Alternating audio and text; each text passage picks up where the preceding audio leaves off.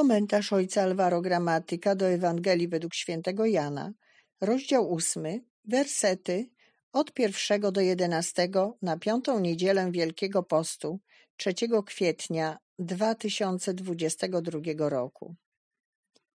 Jezus natomiast udał się na Górę Oliwną, ale o brzasku zjawił się znów w świątyni. Cały lud schodził się do niego, a on usiadłszy nauczał ich.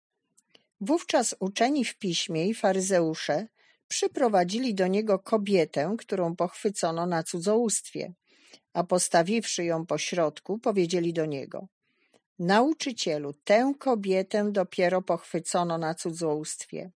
W prawie Mojżesz nakazał nam takie kamienować. A ty co mówisz? Mówili to wystawiając go na próbę, aby mieli o co go oskarżyć. Lecz Jezus, nachyliwszy się, pisał palcem po ziemi. A kiedy w dalszym ciągu go pytali, podniósł się i rzekł do nich: Kto z was jest bez grzechu, niech pierwszy rzuci na nią kamień. I powtórnie, nachyliwszy się, pisał na ziemi. Kiedy to usłyszeli, wszyscy jeden po drugim zaczęli odchodzić, poczynając od starszych aż do ostatnich. Pozostał tylko Jezus i kobieta stojąca na środku. Wówczas Jezus, podniósłszy się, rzekł do niej: Kobieto, gdzież oni są? Nikt cię nie potępił? A ona odrzekła: Nikt, panie. Rzekł do niej Jezus: I ja ciebie nie potępiam. Idź, a od tej chwili już nie grzesz. Rankiem Jezus idzie z Góry Oliwnej do świątyni. Przypuszcza się, że Jezus spędził noc na modlitwie, a teraz idzie do świątyni i naucza.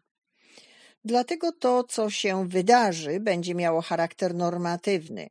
W tym kontekście przedstawiona jest kobieta, która została przyłapana na rażącym cudzołóstwie. Nie było to przypuszczenie, ale fakt, dla którego nie ma żadnego usprawiedliwienia. Jest oczywiste, że kobieta zgrzeszyła i zgodnie z prawem mojżeszowym zasługuje na ukamienowanie. Sytuacja bez okoliczności łagodzących. Co należy zrobić w sytuacji, w której wyjątki nie są dopuszczalne? Chodziło o wprowadzenie w życie prawa, które Bóg dał Mojżeszowi. W gruncie rzeczy uczeni w piśmie i faryzeusze pytają Jezusa, czy to prawo nadal obowiązuje. To jest dramat. W rzeczywistości Jezusowi nie chodzi o osądzanie ważności lub nieważności prawa, ale o to, czy dana osoba ma być osądzona według prawa, czy też według nowej sprawiedliwości uwzględniającej miłosierdzie, które daje możliwość nowego życia. Jezus wykracza poza prawo. W centrum jest osoba. Osoba zawsze jest wyżej stawiana niż to, co robi i jako taka zasługuje na dobre traktowanie. Każdy z nas zasługuje nie na osąd, ale na miłosierdzie, na możliwość odkupienia, na nowy początek. Bóg traktuje nas z miłosierdziem i daje nam nową szansę. Jezus mówi do kobiety: Ja ciebie nie potępiam, idź i od tej chwili już nie grzesz. W gruncie rzeczy Jezus proponuje nowy rodzaj rozwiązania nie poprzestawać na prawie, lecz zapewnić przyszłość.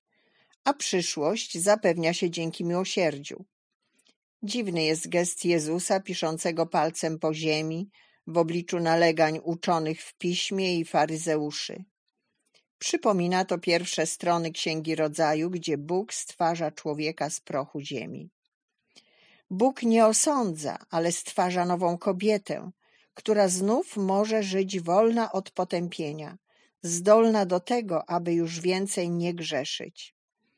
Rozwiązanie, którego nikt sobie nie wyobrażał, nawet biedna kobieta. Ale takie jest działanie Boga wobec nas zapewnić nam przyszłość. Wszyscy możemy utożsamić się z tą kobietą, bo wszyscy potrzebujemy drugiej szansy. Wszyscy popełniają błędy i nikt nie jest wolny od potępienia ale jesteśmy więcej warci niż prawo. Nie możemy utożsamiać się z tym, co robimy, ale jesteśmy warci więcej. Każdy z nas jest wart miłosierdzia. Bóg traktuje nas właśnie w ten sposób, z miłosierdziem. podczas gdy z jednej strony jesteśmy wezwani, aby nie utożsamiać się z naszym grzechem, ale zaufać Bożemu miłosierdziu, z drugiej strony jesteśmy zaproszeni do traktowania innych z miłosierdziem, z możliwością rozpoczęcia od nowa, pozostania i niebycia wypędzonymi jako grzesznicy. Prawdziwe oblicze Boga nie utożsamia się z prawem, ale z miłosierdziem. Miłosierdzie oznacza możliwość dalszego życia jako dzieci.